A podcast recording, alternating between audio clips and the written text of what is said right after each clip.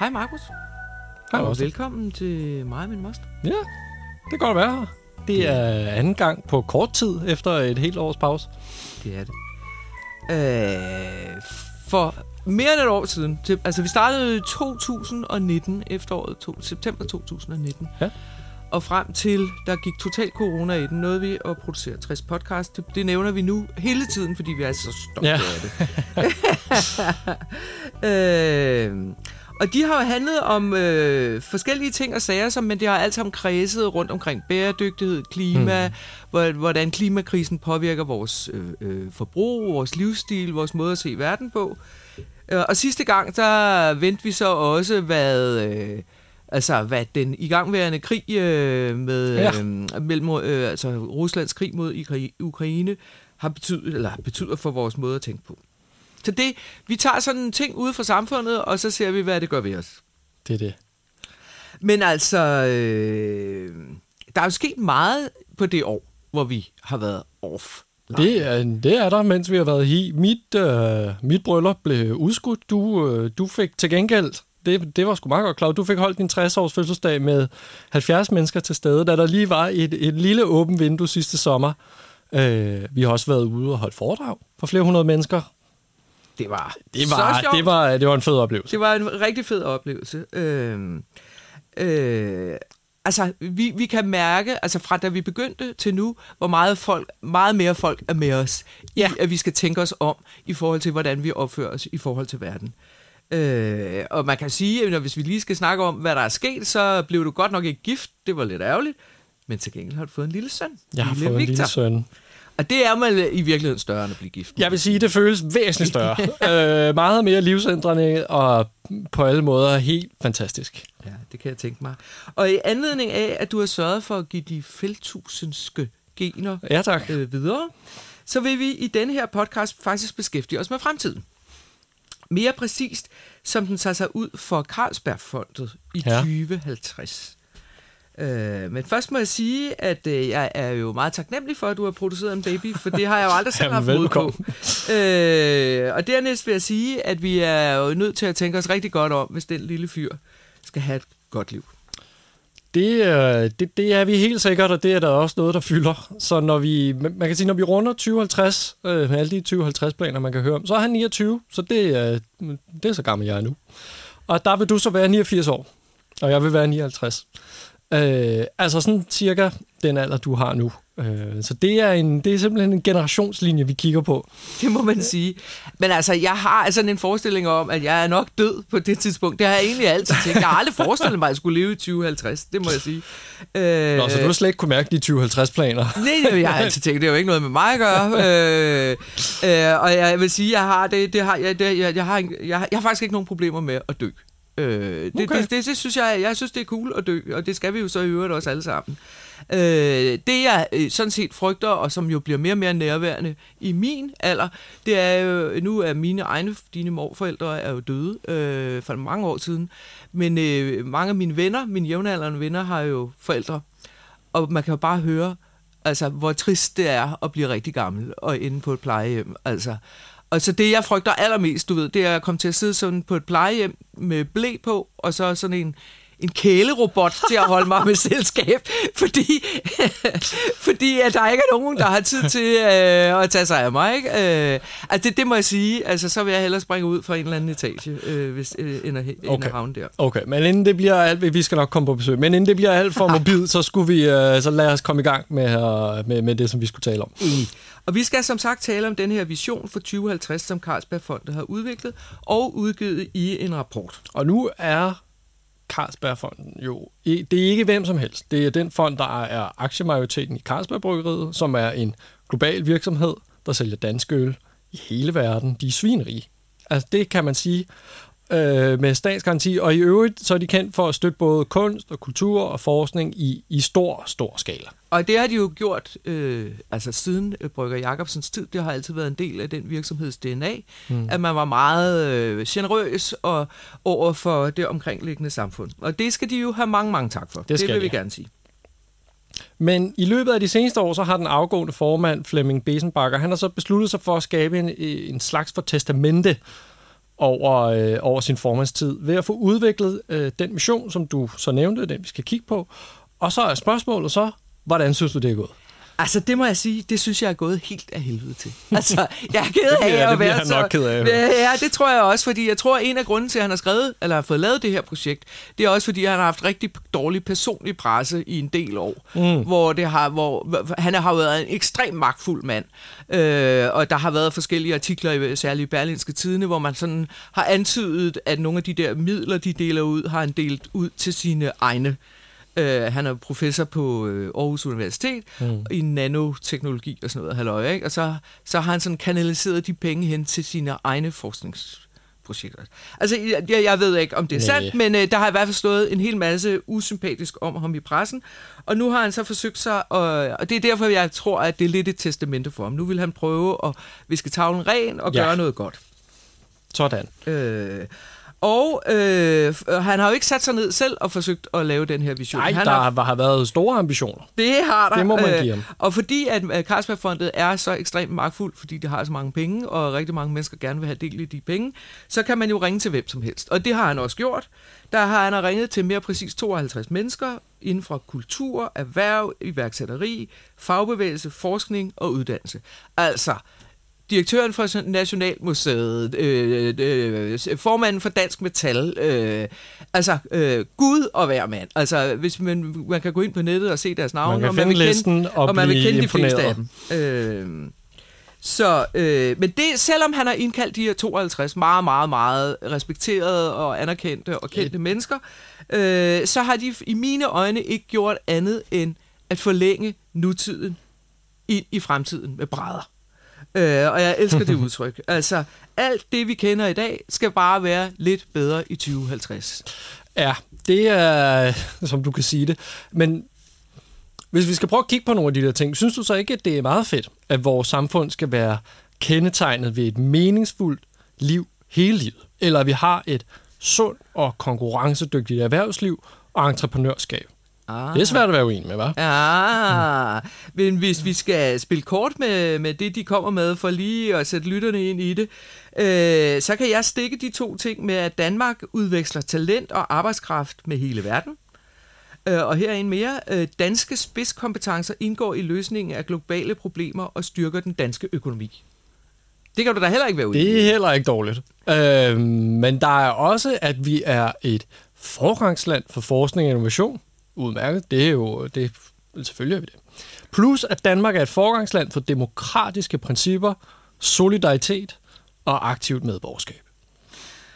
Du kan blive ved, var, men det kan jeg mm. heldigvis også, fordi jeg kan overgå dig med, at uddannelse understøtter realisering af potentiale og muligheder fra grundskolen til livslang læring. Livslang læring. Mm-hmm.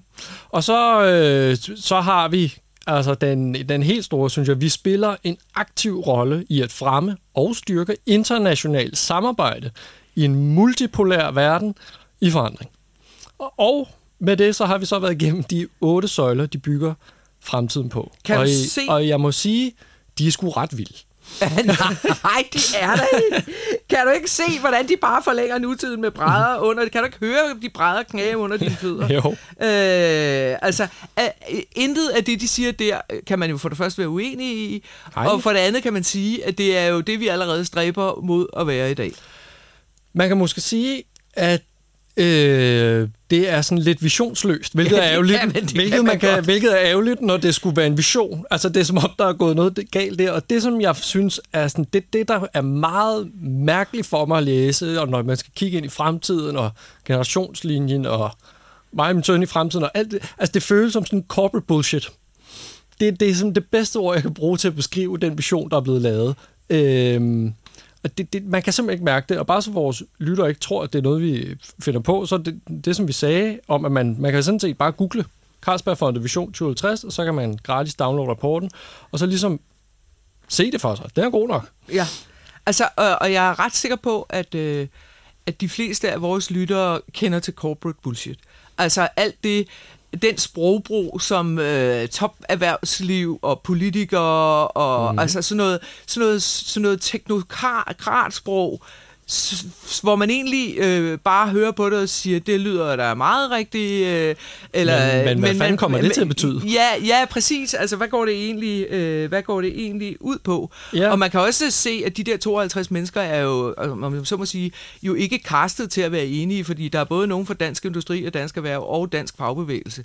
Og man kan næsten, når man læser øh, hele visionen igennem og alle deres punkter, så kan man sige, når det er fagbevægelsen, der har fået det der punkt med, og det er Dansk Ja, ja, ja, Industri, ja. der har fået det der punkt med. Ja. Så og de har ikke ligesom forsøgt at, at skal man sige, lave en, øh, en, en syntese af alle de der synspunkter, men de har bare listet hele lortet op, og så, øh, så er det sådan, det er, ikke? Ja, det, det, det er så den anden ting netop, at, at ingen rigtig tager stilling til, at, at tingene strider mod hinanden, eller at, eller at de, altså dem, der er inviteret med, faktisk blokerer for den udvikling, som der så står direkte i visionen, at man godt kunne tænke sig, at fagbevægelsen jo eksempelvis er lodret imod, at der kommer udenlandsk arbejdskraft til Danmark. Ja, Så det kunne man jo have diskuteret. Ja, ja, øh, og, og, og alt det der med livslang læring og meningsfyldt liv hele livet. Altså, øh, erhvervslivet diskriminerer jo, altså det kommer der jo den ene rapport i de her dage om, på efter den anden. Erhvervslivet diskriminerer, altså ganske simpelthen ældre ansøgere til ledige stillinger ved at vælge dem fra. Øh, altså det er jo, Øh, altså, det, det, det, altså, nu, bliver det, ja, nu bliver jeg jo sur, ja. fordi jeg er 60. Altså, jeg ville aldrig kunne få et job i dag, vel? Altså, Nej, og det, det, det værste ved deres vision, det er, at den er formuleret, så den ikke skaber... Det, altså, det, man får ingen billeder i hovedet af, hvad det er for et liv, vi skal leve. Jeg får ingen forestillinger om, hvordan vi skal leve i det her samfund. Jeg ved overhovedet ikke, hvad det betyder, og på den måde, så bliver det bare lidt ligegyldigt. Ja. Øh, og det er faktisk sjovt, at øh, visionen er så boglarm, boglarm og klinisk, for de har jo rent faktisk en masse kunstnere med. Altså Ja, ja, ja. virkelig, virkelig. Altså, Fogh Eliassen er for eksempel med, ikke? Det er Jo, den jo. største danske kunstner, nu, nulevende danske kunstner. Altså, de burde jo... Man kunne få- forestille sig, hvis han havde fået lov til at folde sig ud, at det så havde havde set der, var der nok sket ud. et eller andet, ikke? Øh, og det har de sikkert ikke hverken fået lov til, eller tid til, eller penge for, eller et eller andet. Man kan i hvert fald sige, at det ikke er lykkedes. Øh, og man kan jo... Ja. Øh, altså, man kan jo så spørge sig selv, hvorfor beskæftiger vi os så med den, hvis vi synes, den er så øh, røvsyg? Altså, for der er faktisk Ja. ikke nogen andre, der gider beskæftige sig med den. Den har næsten ikke fået noget omtale i medierne. Men det gør vi, fordi vi synes, det er sjovt at tage udgangspunkt i nogen, der prøver at lave en vision, for at finde ud af, hvordan kunne vi selv Ja, ja, fordi man kan sige, ambitionerne har jo været der, og de har sat et kæmpe hold, så der var jo et eller andet i det, som faktisk var meget interessant. Og så derudover, så har de et meget, meget værdigt forbillede for deres vision. Uh, en vision, som vi tidligere har omtalt i en anden podcast. Du, jeg tænker, du ved, hvad jeg taler om.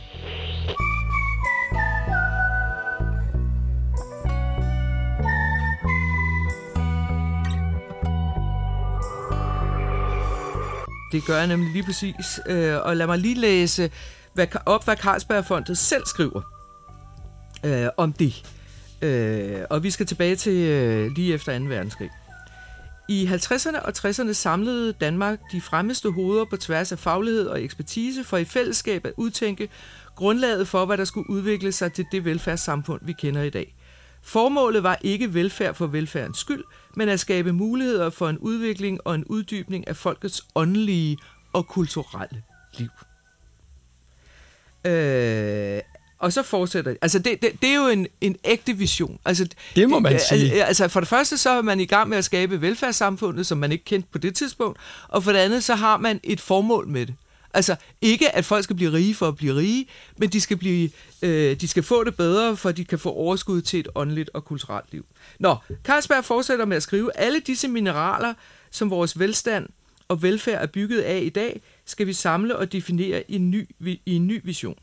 Derfor har vi på tværs af forskning, uddannelse, erhvervsliv, kunst, kultur, civilsamfund og så videre, sat os sammen med håbet om, gennem dialog og inspiration, at kunne øh, så frøerne, frøene til Danmarks fremtid. Vision 2050 har som formål at inspirere Danmark til at gøre brug af de unikke muligheder, vi besidder, besidder og vi som land og samfund øh, kan genopfinde os selv i 2050. Øh, til at blive et land, der er åbent, dannet, samhørigt, tolerant, fremtidssikret og danner rammen om det meningsfulde liv. Sådan. Sådan. Og som du også lige sagde, det fede ved den første vision er jo, at den har en retning, at den netop ikke vil skabe velfærd for velfærdens egen skyld. Den vil gøre det for, at folk kunne få overskud til andet, end at få mad på bordet. Altså nemlig at kunne deltage i det åndelige og, og kulturelle liv. Altså noget radikalt andet, end hvad der var normalen Ja, dengang. altså, ja, ja. Netop meget visionært. Præcis. Øhm, Altså, og det smukke var, at det var, altså det der med, at det var ikke pengene, der var målet, det var midlet til, at øh, man kunne fordybe sig i meningen med livet. ja. Og, og spørgsmålet er jo så, men er det åndelige og kulturelle som mening med livet? Ja. Har de ramt den så rigtigt? Ja. Ja, det er jo et godt spørgsmål, men altså man kan jo sige, at de fleste filosofer øh, har jo til evig tid beskæftiget sig med, hvad meningen øh, med livet var. De synes jo, altså mere eller mindre, at være enige om, at det er sådan. Øh, tænk bare på det seneste skud på stammen af, af moderne tænkere, som påvirker vores måde at se på livet på, nemlig Hartmut Rosa. ja, han er Som- fantastisk. Ja, og ham har vi også haft øh, gang i flere andre podcast. Men han taler jo om, at livet går ud på at opnå resonans med verden. Øh, altså en tilstand, hvor man for, for, føler sig forbundet med, med verden og andre mennesker. Øh, øh, og fordi altså det der med at stå, at at hans billede er, nu står man ved en skovsø, og solen falder ned igennem øh, bladene, og, og pludselig så opnår man sådan den der følelse af at være i et med universet. Og det gør jo for det første en glimtvis mere lykkelig, øh, og for det andet betyder det, at man tager jo så større ansvar for det, man føler sig forbundet med. Altså, Ja. man smider nok ikke øh, lige øh, hele øh, hvad skal jeg sige, øh, frokostkurven ned i den skovsu- skovsø, hvis man lige har siddet og været forbundet med den. Ej, ellers så har hyggeleriet taget nye højder. Men i forhold til det der med at føle sig forbundet, så det, det taler de jo faktisk om i Carlsbergs vision. Første kapitel handler om forbundet til naturen, hinanden og verden. Så de prøver at komme i den retning. Igen har de faktisk noget, som... Altså, det, det er sgu meget godt. Men der går det så galt, når de begynder at pege på løsningerne, for så igen, så ender de i de der buzzwords, som vi kender i forvejen. Så der var lige den rigtige intention, og så, Ja. så, så røg vi på gulvet. Og, og nu bliver vi jo så også nødt til at opholde, opholde os ved, at da de i øh, 1950'erne formulerede den første vision, og det var Jens Otto Krav, der, stod, øh, der, der var sådan en ankermand bag ved den, så lykkedes de jo rent faktisk ikke med det, de ville. Altså, vi er jo ikke... Det kan godt være, at vi er blevet lidt mere, øh, hvad skal man sige... Øh, der er flere kulturprodukter i dag, end der var i 1950'erne, mm. men det er jo ikke fordi, at folk er blevet mere åndelige og kulturelle. Øh, tværtimod øh, kan, kan man sige, at altså, vi fik jo alt det der velfærd, som vi gerne ville have med, med Det- sundhedsvæsen ja. og Ja. skoler og børnehaver og ældrepleje og hvad har vi gang i. Øh, men, men, øh, men på det private plan er der jo ikke ret mange mennesker, som har brugt overskuddet til større åndelighed. De har snarere brugt det til større biler, øh, flere tasker og sofapuder og dimser og flyrejser og hvad ved jeg.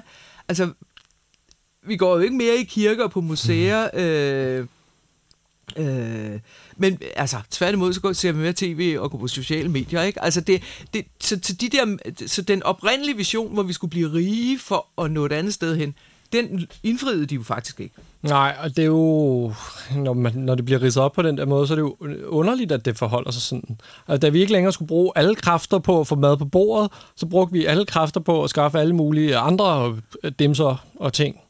Øh, og så sætter vi os i, i gæld for at købe dyre boliger, store biler, og så må vi arbejde en hel masse for at kunne betale lånet af. Og man kan sige, at hele det her, øh, det har også øh, et navn, som der er i hvert fald et, sådan et term, der er beslægtet med det, der hedder rebound-effekten, som handler om, at når vi indfører en eller anden teknologi, hvor vi tænker, nu frigiver det noget, så ender det med, at vi bare bruger endnu mere tid på det, som da e-mailen skulle erstatte posten, hvor vi tænkte, så skal vi bruge meget mindre tid på at skrive øh, til hinanden over distancen, så i stedet sætter vi super mange e-mails. Eller det samme som da bilen erstattede noget andet, og nu kører vi bare rundt hele tiden. Så det, det, det sker bare igen og igen i menneskets historie. Ja. Og, og, og det kan man jo sige, hvad fanden rager det også. Ja. Altså, det, folk må jo leve, som de vil. Men det, der jo er konklusion, altså det, der jo er den langsigtede effekt af det der, det er, at vi har oparbejdet et gigantisk overforbrug, som simpelthen er ved at smadre klima og biodiversitet og miljø og hvad ved jeg. Øh, og, og jo vel at mærke, øh, uden at det faktisk gør os særlig meget lykkeligere. Altså tværtimod er folk jo altså, sindssygt stressede og psykisk syge og har diagnoser øh, med alle mulige bogstaver i rækkefølge. øh, øh, altså folk har jo ikke fået det bedre. Nej, Øh, så det, det, er jo, det er jo en interessant ting. det, det er derfor, det er værd at beskæftige sig med. Og de taler faktisk øh, meget om den grønne omstilling i Carlsberg Vision igen. Meget godt. Øh, men, men det sker så fortsat på en måde, som man ikke rigtig kan se det for sig. Øh, de skriver sådan her. Danmark kan og skal være forgangsland og rollemodel, når det kommer til den grønne omstilling. Og ambitionen er, at der i 2050 er skabt et af verdens mest bæredygtige samfund. Løsningerne skal findes i videnskabsforankret politik, institutioner, der understøtter og værner om klima- og miljøinitiativer, økonomiske systemer, der gentænkes og hjælper transformationen på vej, samt i udnyttelse af data og teknologi til at opnå den størst mulige effekt. Øh, det er helt vildt. De skriver jo sådan set, at vi skal lave alting om, uden at man overhovedet kan mærke alvoren i det, eller forstå, hvad i alverden... Det var svært bare at læse op. Ja. Altså, fordi der var så mange ting, der var indskudt over det hele. Jamen prøv at høre her. Altså, i, øh, i økonomiske systemer, der skal gentænkes, ikke? Det er en stor ting. Der, altså, prøv at høre, det er jo det vildeste, altså.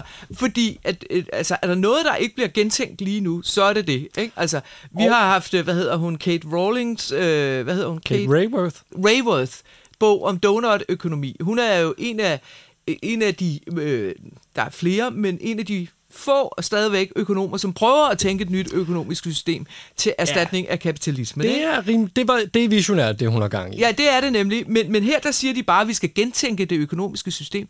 Wow, altså. Øh, og det er jo selvfølgelig, altså grund til, at man ikke kan mærke det, øh, altså mm. udover det er svært at læse op, fordi Alix-tallet er 698, øh, så er det jo også, fordi de skriver jo ikke, hvordan. Nej. Altså, de skriver ikke, hvad det er, vi skal gøre op med. De skriver ikke, hvad det er, vi skal give slip på. Altså, hvad er det, vi skal tænke helt om? Øh, og her kan vi så lige bringe en, øh, en øh, spændende rapport fra McKinsey, som er udkommet her for et par uger siden, ind i billedet. For McKinsey, som jo er det her verdensomspændende konsulentfirma, som er ekstremt respekteret, og nogle af de dygtigste i verden. og, øh, altså, de, de, de rådgiver de største firmaer i, i, på global plan.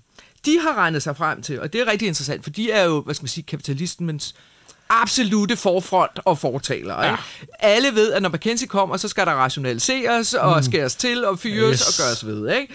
Fordi nu skal hvad skal man sige, ejerne have mere værdi for deres penge. Ikke? Øh, de har regnet sig frem til, at verden som sådan, altså hele verden, skal bruge 60.000 milliarder kroner om året hvert år frem til 2050, for at vi kan stoppe klimaforandringerne. Jeg tager den lige igen. 60 1000 milliarder om året hvert år frem til 2050, for at vi kan stoppe klimaforandringerne. Det er fandme et stort beløb. Jamen altså, prøv at høre, det, det, det, altså, det er jo helt sindssygt. Altså, de her mennesker, de har ikke engang taget stilling til, hvad det kommer til, hvad nogle af alle de forslag, de har, kommer til at koste. Altså, og hvordan man skulle gøre det. Øh, og når vi skal bruge de penge på at reducere CO2, så kan vi jo ikke bruge dem på det andet. Og jeg tror, at vi læste jo alle otte søjler op til at starte med. Ja. Øh, der skal bruges penge på lidt forskelligt, men nu, nu er det selvfølgelig også kun i Danmark det her. Altså, det, der er god grund til at gentænke det hele. Det tror jeg, det er der, vi er.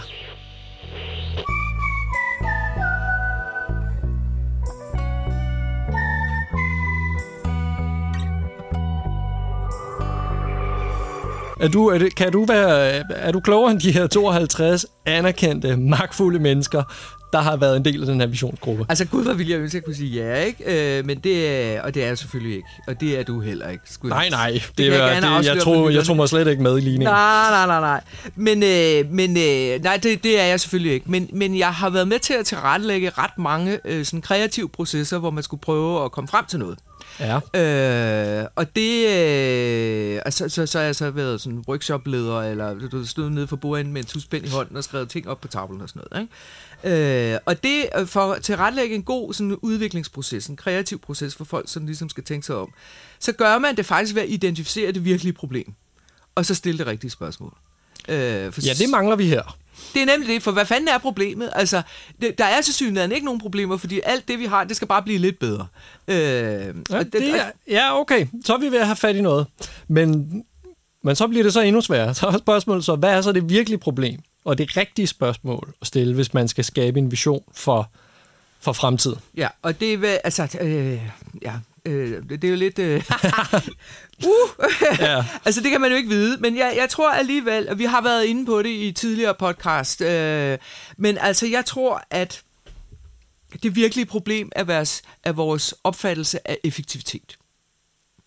Okay. Ikke, ikke effektivitet som sådan, men den måde, vi bruger effektivitet som et mål på, kan man sige.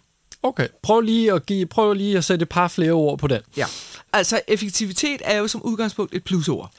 Alle synes, det må man at sige. Det, alle synes, det er Altså fra at man øh, står øh, derhjemme og skal have gjort huset rent og vasket tøjet og strøget skjorterne og alt muligt andet, så kan man lige så godt gøre det så effektivt som overhovedet muligt, fordi så er det overstået en fart, og man øh, kan komme videre til noget, der er sjovere. Øh, eller øh, en virksomhed kan jo ikke have, at man står og spilder tiden på at, at, at, lave noget... noget øh, altså, det, det skal selvfølgelig være effektivt. Øh, så man kan få så meget som muligt øh, øh, ud af tingene. Ja, ja. Nå, men der er jo, man vil jo ikke spille ting, men når jeg tænker på effektivitet, så tænker jeg på, at tingene skal gøres altså så smart som muligt, så billigt som muligt, så hurtigt som muligt, så man får mest muligt ud af sin indsats, af sin tid, øh, af sine kræfter og sine penge. Det er sådan, Det det er, det er, det, det er sådan, jeg ser Ja, effektivitet det for tror jeg, at de fleste og det mennesker... tror, ja. Og sådan ser jeg også på det. Og så gik jeg lige på Wikipedia for at tjekke. Okay. Øh, Ah, meget digital, jo, jo. Jeg har forberedt mig, du. Mm. Øh, og, og de skriver her, oversat fra engelsk, skriver de så. Effektivitet er evnen til at undgå at spilde materialer, energi, kræfter, penge og tid til at gøre noget eller producere et ønsket resultat. Så mm-hmm. vi havde fuldstændig ret. Men så tilføjer de, og nu bliver det spændende. Øh, I en mere generel forstand er det evnen til at gøre tingene godt, succesfuldt og uden spild. Effektivitet er således ikke i mål i sig selv. Aha. Og det er jo det sidste, der er spændende. Det er sgu da meget godt, at Wikipedia har fået det med. Det er nemlig det. Altså, Okay, Ja. ja. jamen, jeg, jamen jeg, ser, jeg, ser, hvor, jeg ser godt, hvor du er på vej hen, fordi man kan sige, at hele vores samfund er bygget op om den første del. Altså, det er jo konkurrencestatens paradigme, altså sådan et regime. Vi skal være konkurrencedygtige i forhold til andre lande, og derfor så skal vi hele tiden jagte mere for mindre, så vi får mere for pengene. Størst effekt. Ja. Mest effektivt. og det gør vi jo øh, i alt overvejende grad i et ekstremt kortsigtet perspektiv. Ja. Og vi gør det som hovedregel uden tanke for de langsigtede konsekvenser. Altså, det, vi gør det for at opnå den korte gevinst hele tiden, uden at tænke på, hvad, er, hvad sker der egentlig ved, at vi gør det her. Øh, og når de langsigtede konsekvenser så dukker op, så må vi jo så fikse det på det tidspunkt. Øh, et eksempel. Øh, man er en eller anden virksomhed, man øh, har en masse giftigt spildevand øh, til overs, når man er færdig med at producere det, man gør. I gamle dage, i min barndom, øh, da du ikke var født endnu, der var det helt almindeligt, og så hældte man den ud i den nærmeste flod, eller å, eller hav, eller et eller andet, for at komme af med det. Og det var jo ekstremt effektivt. I stedet må for, man- det må i man stedet sgu for sige. at rense det, eller øh, du ved, øh, hælde det på Det tønder. gik både hurtigt, eller, og det lyder også super billigt det er nemlig for det. virksomheden. Det er nemlig det, ikke?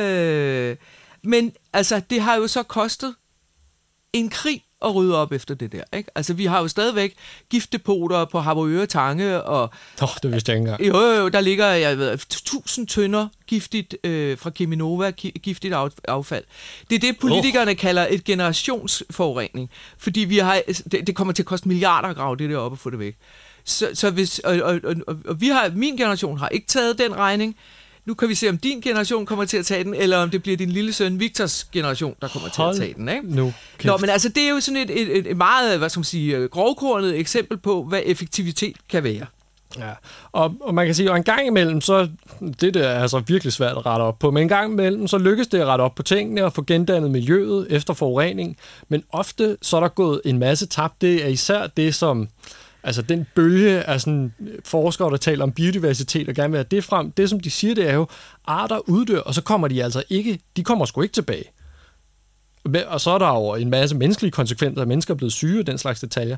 Men under om alle omstændigheder, så er det de næste generationer, der må betale og, og leve med det. Ja. Øh, så hvis vi kan blive enige om, at vi har et helt skævt forhold til... Øh, der var nogen, der forsøgte at komme ind i vores studie her. Nu Ja. er de gået igen. Øh, så hvis vi kan blive enige om, at vi har et helt skævt forhold til... Nå, nu åbner døren. Jeg lukker den lige.